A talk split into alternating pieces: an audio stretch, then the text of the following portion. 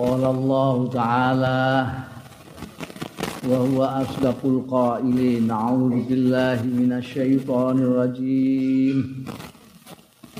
وإذ نجيناكم من آل فرعون يسومونكم سوء العذاب.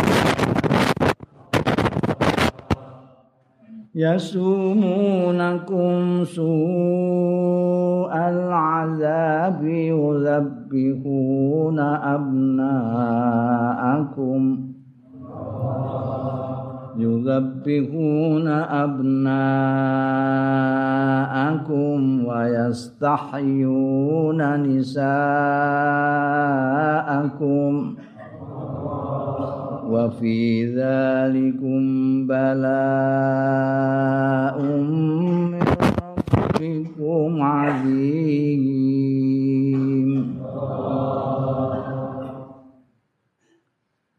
wa idz najainakum lan nalikane nyelametake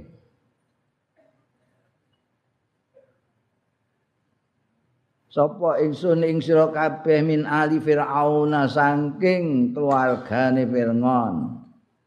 Dinasti Fir'aun. Yasumunakum. Padha nemplekake menandai ing sira kabeh soal azab ngenekake ing sira kabeh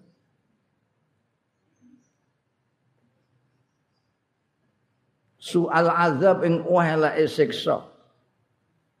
Yudzabihuna padha nyembelih. Mateni ya alu fir'aun. Abna akum ing anak-anak lanang ira kabeh. Wa yastahyuna lan nguripi sapa alu fir'aun nisaakum ing anak-anak wadon ira kabeh wa fi dzalika lan ing dalem mengkono-mengkono. Siksa mau iku balaun merupakan coba. Utawi coba min rabbikum saing pangeranira kabeh azimun sing gedhe. Tiang-tiang Yahudi Bani Israel keturunane Nabi Yakub dielingno kali Gusti Allah kenikmatan-kenikmatan sing dipun paringaken dhateng leluhuripun Bani Israel Bani Israel.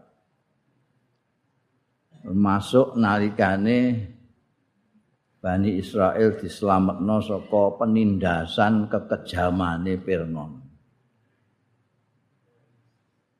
Fir'aun menika julukan kepala negara, penguasa teng Mesir sesudah Heksos. Tenggini Indonesia wonten Hamengkubuwono, Pakubuwono. Niku namine raja. Jenenge beda-beda. Tapi julukane tetep Hamengkubuwono. wonten sing ngarani bar Heksos niku Ramses. Niku nggih julukan. Nek tenggene Rom julukane Kaisar. Nek tenggene Parsi Kisra. Ini Firngon menika niki nek menurut sejarah niku Ramses kedua Ramses kedua niku sing teng mriki disebut Firngon sing ngantek sakniki gerai terus wonten teng museum. Firngon sing paling kejem.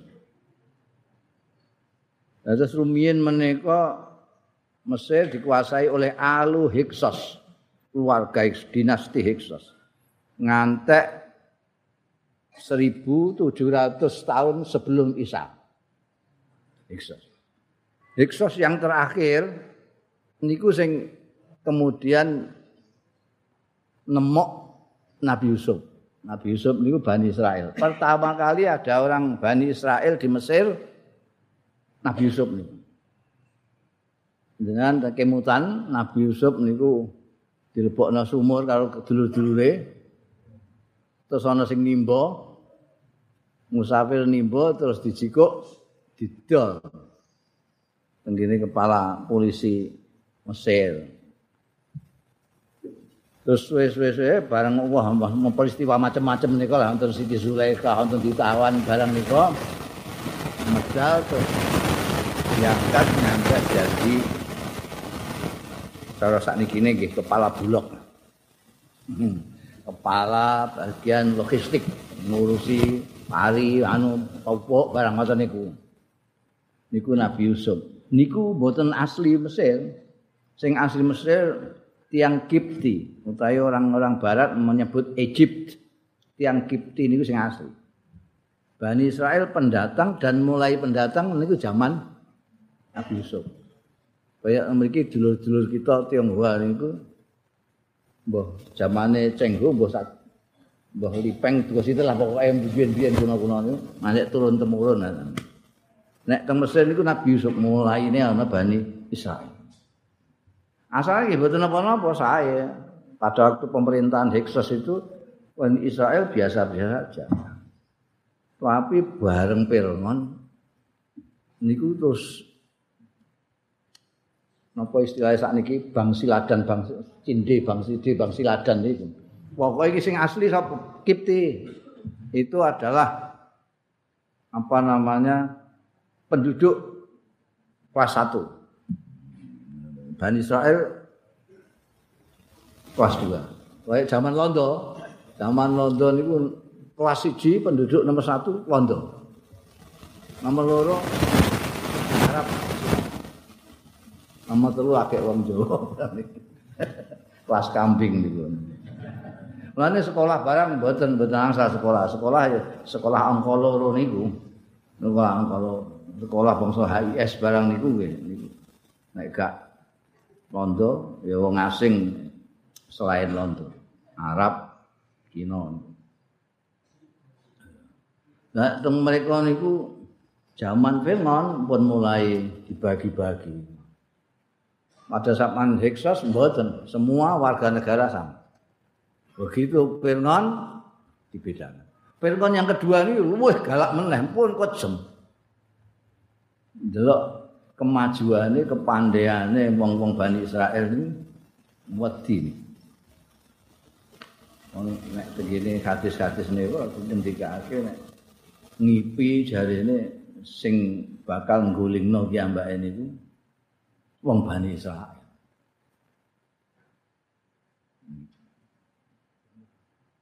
Mbah ngipine sepundi tapi tukang nujume niku untuk nerjemahno ngoten. Iki niki wonten bakal bakal ana wong lanang saka Bani Israel sing ajeng jatuhno jenengan. Ana sing kandha niki permainane nujum bangsa niku. Saking ora senenge karo Bani Israel. Dadi Pirngon ngipi ngoten terus dimaknani ngoten. Lah piye-piye? Gene wonten bayi lahir lanang pateni mawon mangke selak gedhe mangke dadi dadi musa.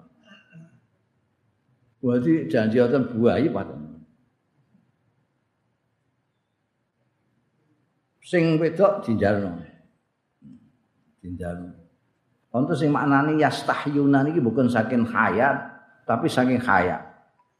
Istahya yastahyu niku bisa saking hayat artine nguripi bisa saking kaya mempermalukan.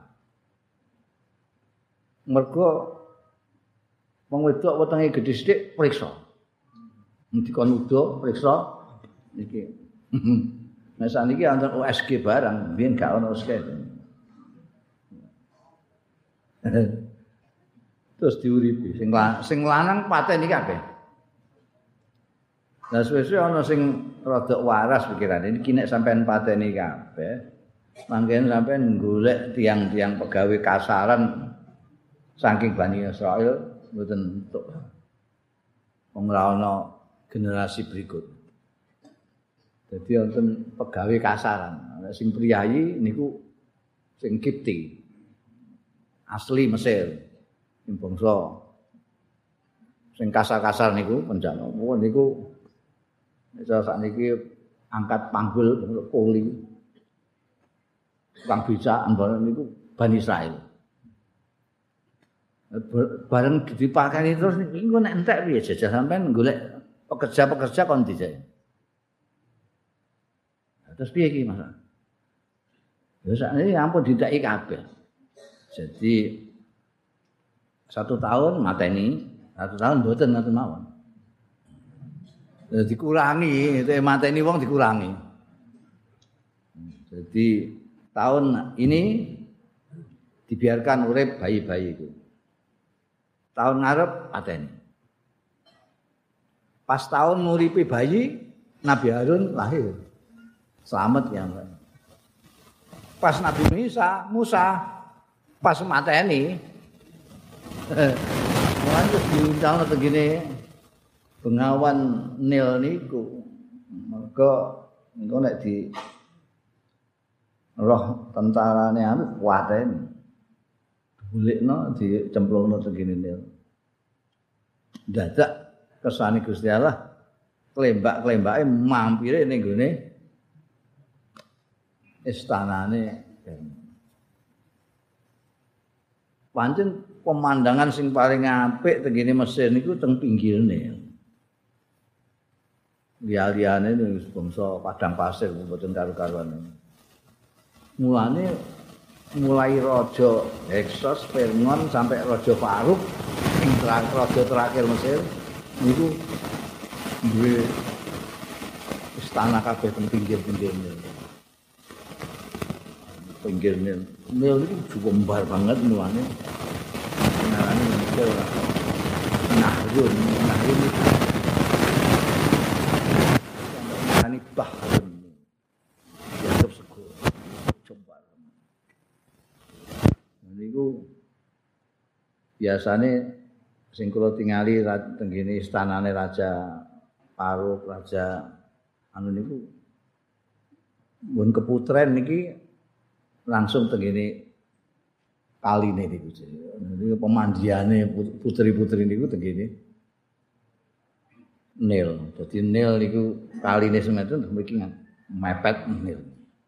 Jadi ini adus barang banyu Nil pun digawe pemandian apik. Nabi Musa nyangsangi teng mriku niku. Jadi mulai sing nemok wong wedok-wedok sik. Wah, lah to mriku ora ana bayi lanang, ana bayi lanang gantenge ra karuan apik merusu putih seneng. Dewi Asia niku bojone Firman niku. Gelembuk iso dadi. Akhire dipek anak angkat. Mulane Nabi Musa dijuluki Musa bin Firaun. Mergo wong ngarani nggih anake. pakaiane anu bareng wacaane wacaan anak raja. Tapi niki wong Bani Israil, wah, apa.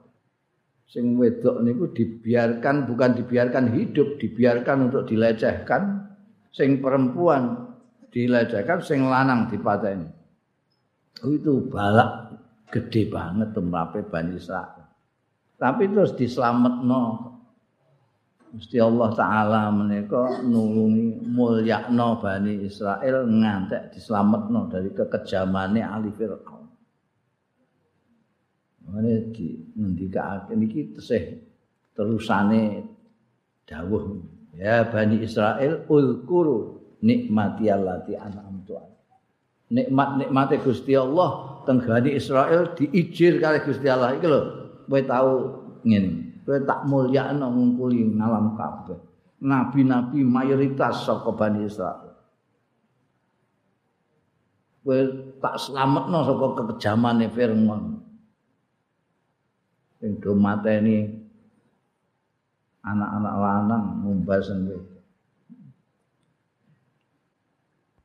Wah, nalika niku Masya Allah. Bani Israel niku tertekan sekali. wa il faraqna bikumul bahra fa anjaynakum wa aghraqna wa aghraqna ala fir'auna wa antum tanzurun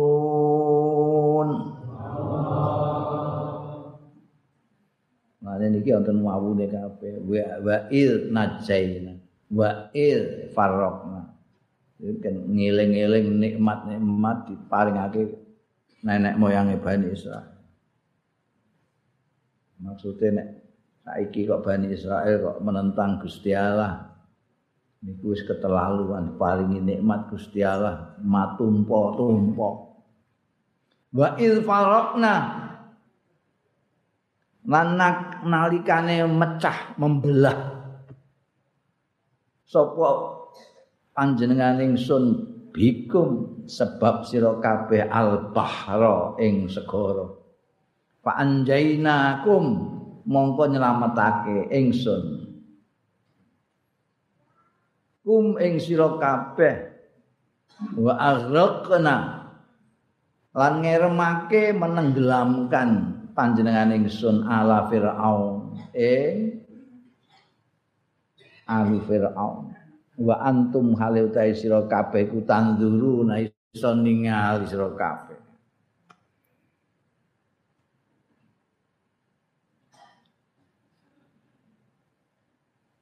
dimutake ya nek moyangmu kejar kejar Fir'aun sak balane. Fir'aun sendiri memimpin pasukan untuk menghancurkan Nabi Musa dan Bani Israel. Wajar semua kayak pasukan Fir'aun notok segol. Wah, wis pun kula tak wis mate iki. ora apa ini kene dikejar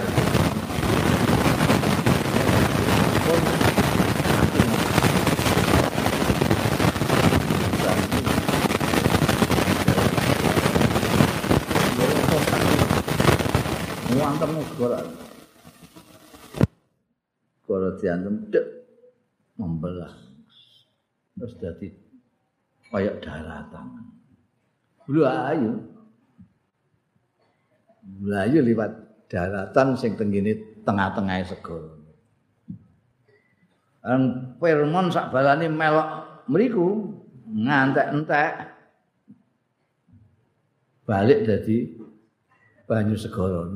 Kuwerem kabeh wa aghraqna ala fir'aun. Niki do delok kabeh lho masyaallah.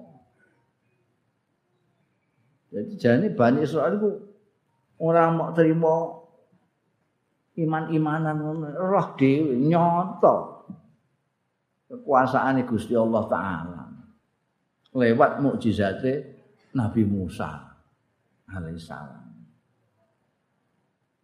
ngono iku ya wong Bani Israil niku paling digo contoh tengene tengene Quran iki dengan tinggal di sing paling akeh dhewe niku kisah-kisah kenabian iki kisah Nabi Musa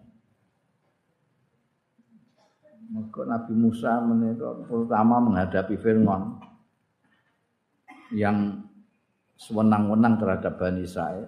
Kemudian terhadap Bani Israel dewe. Jadi secara intern Nabi Musa ya digodok kali Bani Israel dewe. Padahal nalika Fir'aun sak bualane tenggelam itu don kabeh. Tanduruna ningali kabeh. Ya Allah, iki mon awake dhewe sing ning kono ora kelep kabeh. kenikmatan sapa Gusti Allah taala. Eling. Balik tegene. Ulkuru nikmati allati an'amtu alaikum termasuk wa id faraq nabikumul bahar. Wa idh wa'adna Musa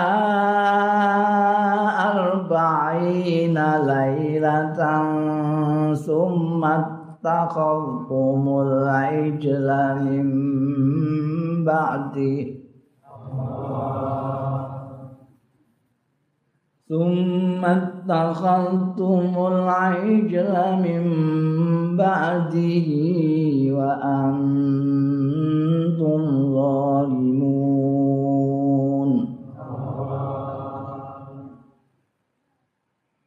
ثم عفونا عنكم من بعد ذلك لعلكم تشكرون.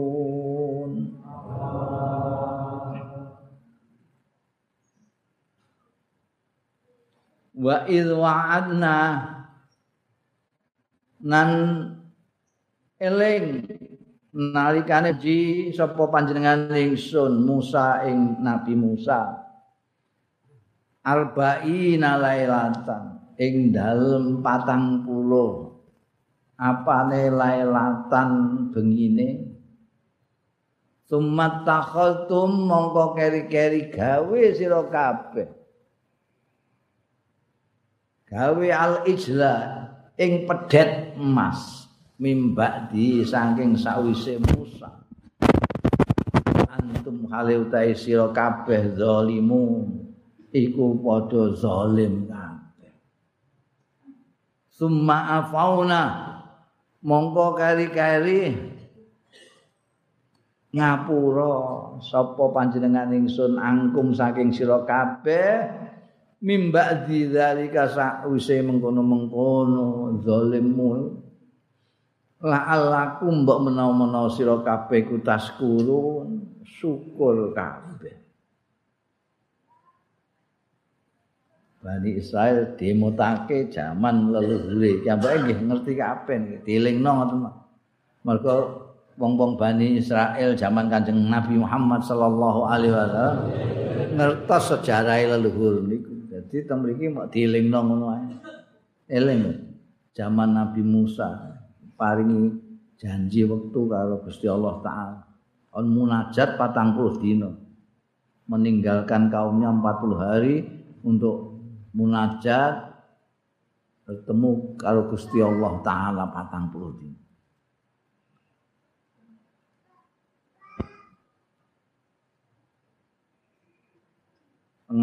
patang puluh dino ditinggal Nabi Musa. Patang puluh dino Bani Israel guys nyembah genti nyembah pedet emas ini kok Musa Samiri ini kok sing gawe pedet bisa mantuk-mantuk.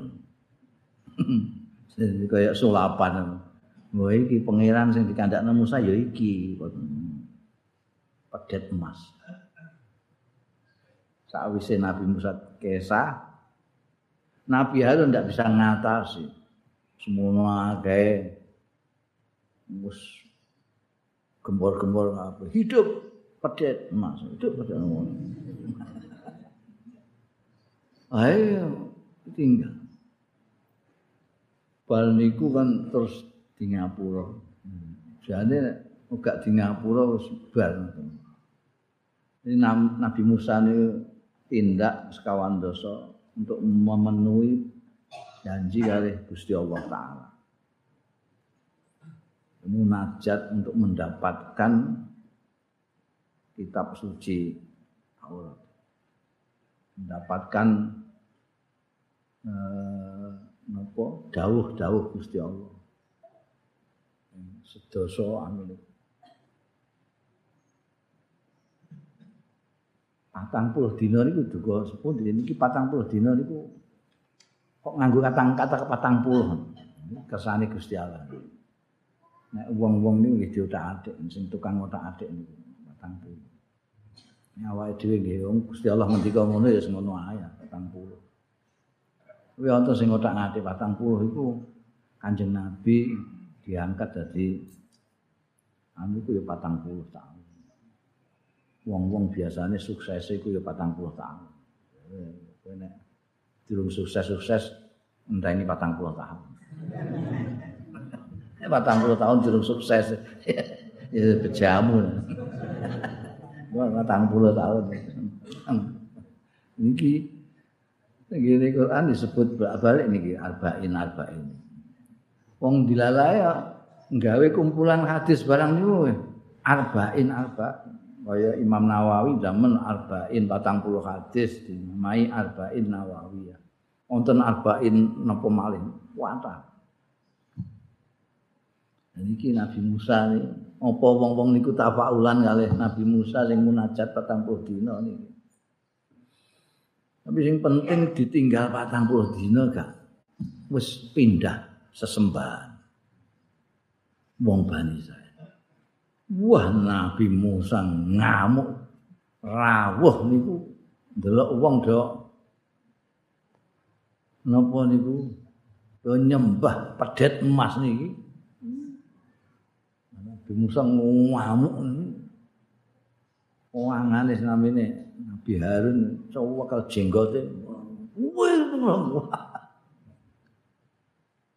Iya, di penunggone wong ngene ngake sedel wis nyembah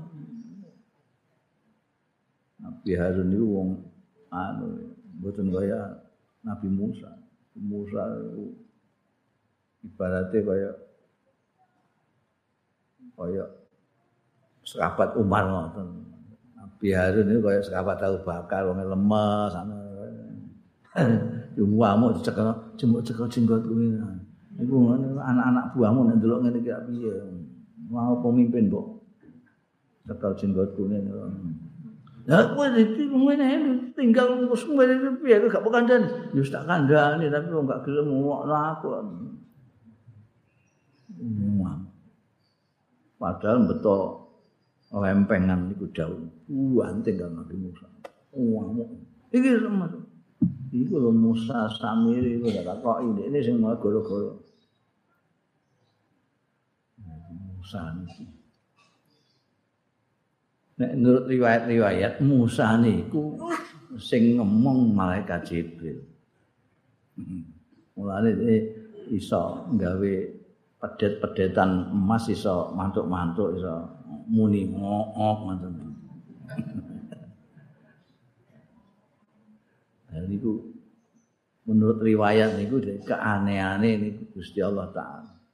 Musa sing dimong Jibril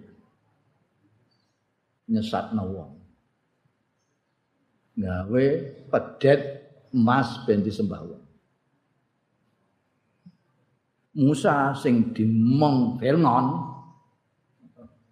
menegakkan kebenaran itu jadi itu lucu Nabi Musa sing disebut-sebut Musa bin Fir'aun ternyata melawan Fir'aun untuk menyelamatkan Bani Israel. Nah iki sing Musa sami ini malah menyesatkan anak buah Nabi Musa. wa antum zalimun bani saya zalim lah ya zalim niku pun bolak-balik kula aturaken zalim niku kosok wangsule adil adil niku jejeg sesuai di menempatkan sesuatu pada tempatnya niku adil zalim menempatkan sesuatu tidak pada tempatnya sepatu sampai sampai sampai nggih kuplukan niku dolan. Kupluk sampai nggih sepatunan. Pipi sampai nggih keplak-keplakan. Bojo sampai tukari dolan. Ke bojo niku ora adune ditukari ku. Wong dikne dhewe sing lamar. Hmm. mesti ngamal dik ini ya. Jujurnya kok gelem. Enggak gelem piye? Gak gak dadi bojomu. Udah di bojomu kok kok cakari. Sing wedok memang wis gelem dilamar. Nah, iki kon gekno wedang kopi ae ngamuk. Zalim. Wong duwe pangeran kaya ngono kuasane ngerti dhewe kekuasaane Gusti Allah taala kaya ngono kok dijono pedet-pedetan iku zalim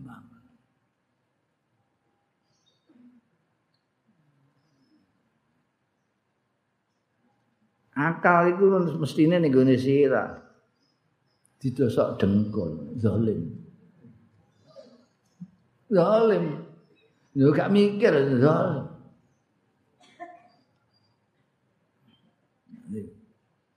Wong pedet-pedetan mesti gawe kono dhewe kok. Kok mbok kalahno sing gawe kowe. Kok mbok menangno gaweanmu. Itu zalim banget. Sing mesti ini kita sembah itu sing gawe awake dhewe iki pantese disembah. Iku sing adil sing jejeg ya ngono kuwi. Wong pancen sing nitahno aku ya tak sembah. Lha iki sing tak gawe aku mestine kudu nyembah aku. Kok malah tak sembah? Zalim. Mulane wong mosek-mosek wong kafir niku tenggene Quran gawe ini disebut zalim. Na zalimin ini antum zalim. Zalim banget. Zalim gampang aja ngawur. Ngawur. Ngawur. Det-detan ra iso popong sembah. Dubar ngoten niku mergo Nabi Musa niku pun lerem. Di nang ngapura. Niku di ngapura. Mulane kowe syukur sing syukur iku nyembah. Ane iku jenenge musyrik kowe iku jan nemen dosa paling gedhe dhewe. Mbah sak liyane Gusti Allah taala kowe iku dikongkon tobat karo Nabi Musa terus jaluk nang ngapura Nabi Musa.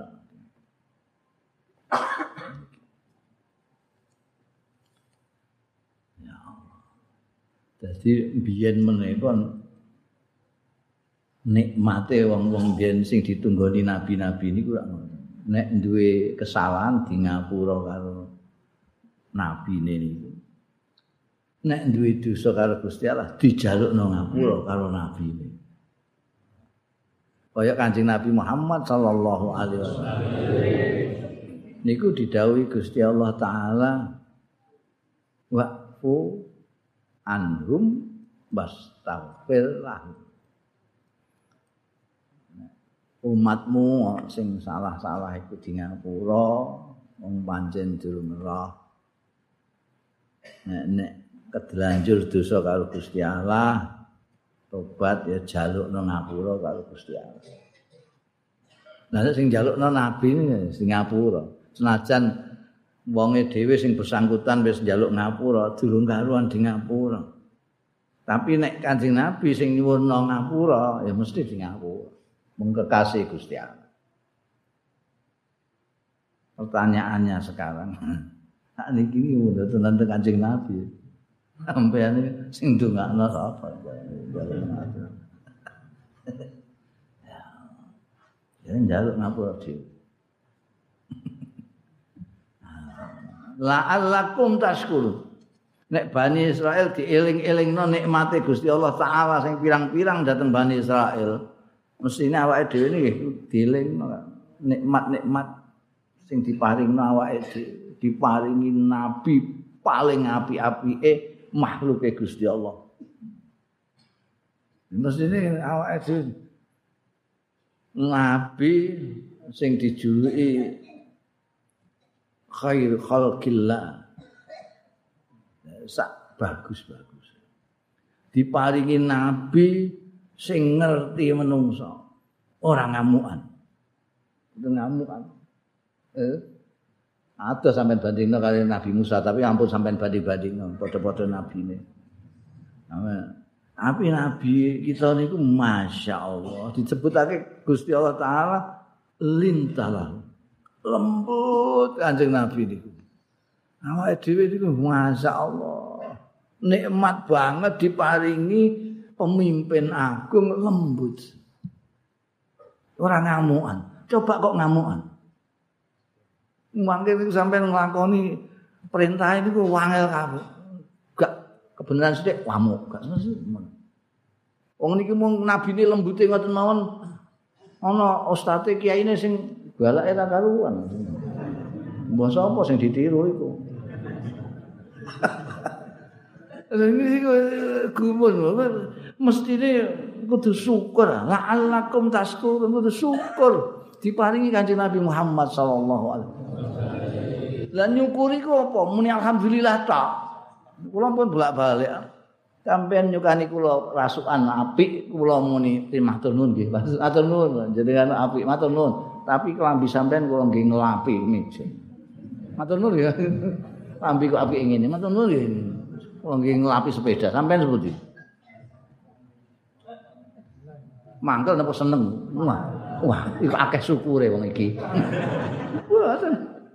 Kami kalau sampean muni alhamdulillah alhamdulillah tapi ora mremakno, ora nggunakno paringe Gusti Allah yang semestinya. Jadi syukur sing tenanane iku ora mau kaya omongane protokol-protokol pembawa acara. Hmm, mari kita lahirkan syukur kita dengan bersama-sama membaca alhamdulillah. Wis syukur ngono kuwi. Wonten mang menggunakan. Nek diparingi Kanjeng Nabi Muhammad yang seperti begitu indahnya, nyukuri ini piye? Ya mencoba niru apike Kanjeng Nabi Muhammad. Namanya jadi pemimpin ya aja brangasan. Ing lembut. Mulane ngantek Gusti Allah nitahake bandingane musae niku sing berlawanan kabeh secara fisik maupun kelakuan. Ini bangsane Abu Jahal. Jadi wong-wong anggere nyebut Nabi Muhammad kelingan Abu Jahal sing musa ini kayak mungguing cangklaan. Niku dilalayan. Senajan padha serbanane, padha jubahane. Nanti iso bedakno tegas. Mergo Kanjeng Nabi niku meseman niki merengutan. Niki halus, niki brangasan. Lho, niki grusah-grusu, niki kalem. Niki ngajak, niki ndepak. Awake dhewe niki melok sing niki.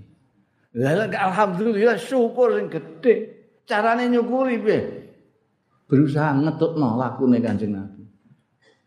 Carane piye? Ya dikenal. Kenalan sik Kanjeng Nabi. Nek gak kenal mau selawatan tok. Ya gak iso niru apane. Kudu kenal. Mulane nek muludan iku kudu diceritakno. Kanjeng Nabi ku piye? Fisiknya kayak apa? Gantengnya kayak apa? Sing penting meneh lakune kayak apa? Lah niku mboten sahado-ado. Dalil Quran enek. Jadi wong-wong sing muni kembali ke Quran iso gampang ndelok ayate niku. Wa innaka la'ala khuluqin azim. Laqad ja'akum rasulun min anfusikum azizun alaihi ma'anittum harisun alaikum bil mu'minina raufur rahim. Fabima rahmatin minallahi lintalahum. Niku cetha tengene Quran jadi maca Quran nggih lho Kanjeng Nabi niku kaya apa? nikmat Tuhan. Niki nikmat paringane Gusti Allah. Wis diparingi hidayah karo Gusti Allah.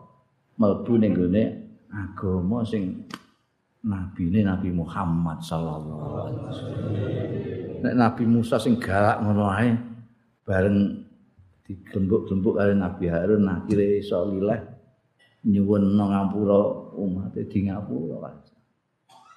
Pemal Kanjeng Nabi Muhammad sallallahu alaihi wasallam. Kanjeng Nabi Muhammad sallallahu alaihi wasallam karo umate ngungkuli karo anake dhewe. Ngungkulian. Jadi mestinya awake dhewe ini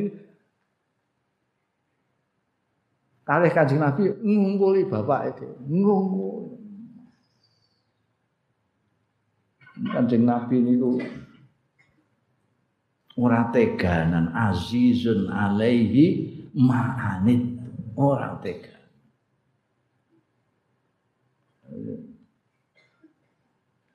Muantek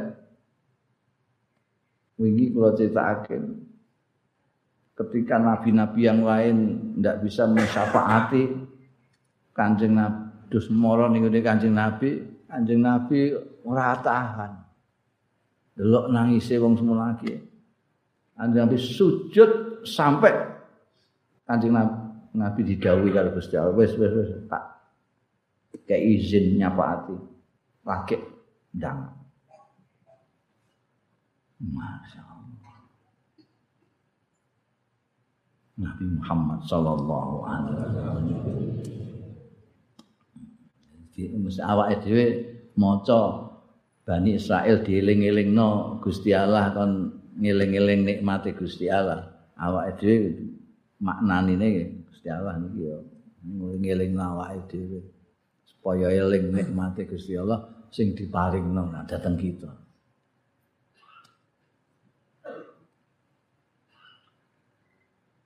Karena kita terakhir jadi kita bisa belajar umat-umat sing dhisik-dhisik seperti halnya kanjeng Nabi Muhammad Sallallahu Alaihi Wasallam sakit untuk pengalaman dari nabi-nabi sebelumnya. Mulanya di Isra Mi'raj kan rumin kali Gusti Allah Taala bertemu nabi-nabi ini. Diskusi ngomongno pengalaman masing-masing. Jadi kanjeng Nabi umat yang kayak apa saja. Kayak sing Bani Israel, kanjeng Nabi sudah bisa menghadapi.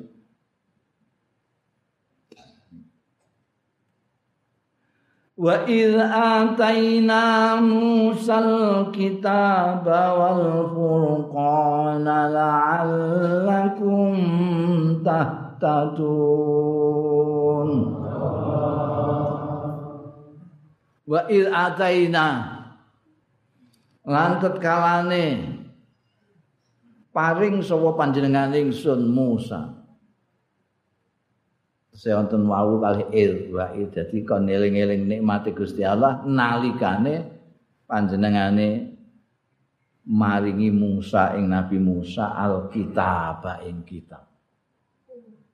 Wal furqan lan furqan.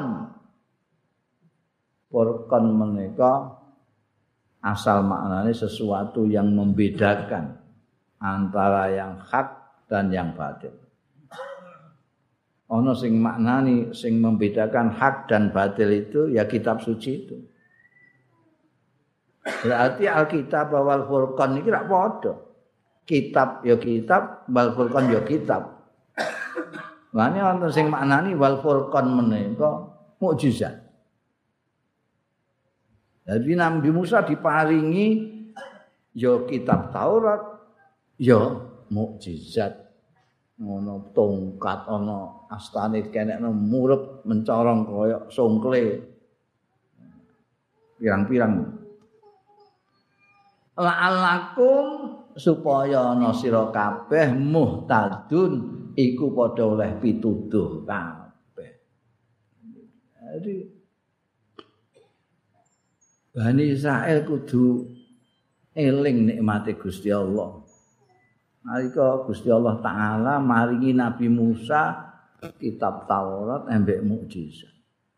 Kitab mau Taurat menika sesuatu yang bisa menunjukkan mereka jalan yang benar iso nduduhno sing kliru endi sing menuju swarga endi sing menuju neraka endi Furqan niki mukjizat sing termasuk menyelamatkan mereka dari Firaun. Mukjizat ya. Nabi Musa gak nggawa mukjizat tongkat niku. Wis sida kecekel pasukane Firaun tenan. Untunge Nabi Musa ngasta mukjizat rupa tongkat sing diwantemno niku segara iso membelah segara. Iki kudu mbok syukure nikmat la'allakum tahtadun mestine dengan kitab dan Furqan ini orang-orang Bani Israel bisa mengambil petunjuk di sana. Ini awake dhewe ora kok terus iya Bani Israel itu mestinya kudu ngono. Iya, kayak ngono barang kok mesti kudu Duno gak duno piye? Kayak kitab ya anu anu mujizat nabine itu kan ono kok ndekne ngono delu ngono. Awake dhewe ra ngono. Tapi berpikirane awake dhewe, awake dhewe ya kudu ngono. Kanjeng Nabi ya diparingi kitab, paringi mujizat. Awake dhewe iki tahtadun apa ora? Nah, tak. Untuk pituduh ora saka Quran awake dhewe iki apa karepe dhewe? Nek karepe dhewe ora usah ngrasani Bani Israel. ngrasani umat Nabi Musa iku apa kowe dhewe ya ngono. Niki maca Quran iki mesine kudu kalih introspeksi ngoten cara bahasa milenial. Introspeksi. Iki iki mono ora kok lagi ngrasani Bani Israel. Tapi lagi menehi bahan introspeksi. Awake dhewe ya diparingi nikmat kaya Bani Israel.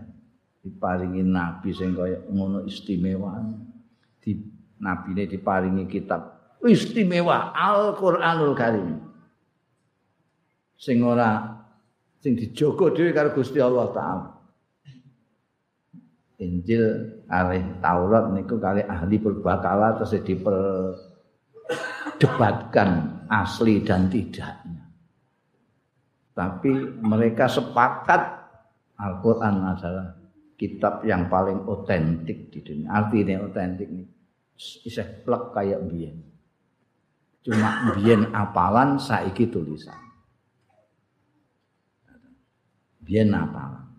Quran niku biyen apalan terus akeh wong sing apal Quran do kapundhut ada ide dikumpulkan itu. Rumiyin mboten di mboten ditulis zaman Nabi, zaman sahabat Abu Bakar diapalno. Zaman Sayyidina Utsman dikelompok. Tapi Quran nalika niku ditulis hanya untuk ngelingno apalan. Mulane tulisan Quran zaman pertama niku ora ana titike. Ora ana titike.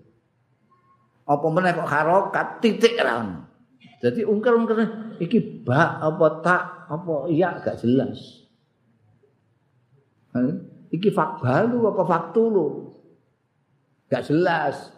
Kecuali jelas nek wong sing apal. Iki rangkeane mbek iki iki mesti fak faktulu. Nggo ngelingno sing apalan. Suwe-suwe ana wong Islam anyar-anyaran sing ora hafal blas. Lah iki harus kudu dikai titik koma dikai titik, titik siji. Bak titik siji ngisor tak titik loro dhuwur, ya titik ngisor loro gitu.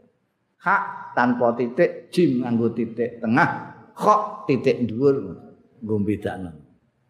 Ngono iku sing wong ora Arab ya isih bingung. Iki macane piye? Oh ana ide harokat. Nek fathah ning dhuwur nek kisor kasrah maca i nek ngungker ngene u nek ngene dikek ngene un. Niku mburi-mburi. Dadi Quran iki nek didelok tulisane niku kathah bid'ah. Pertama bid'ah titik, kedua bid'ah harokat, ketiga bid'ah ono gambarane barang. Bodong-bodongan tapi turut. Wong sing mun senengane bid'ah bid'ah mergo gak ana jaman Nabi, kon nyengeni Quran sik iki.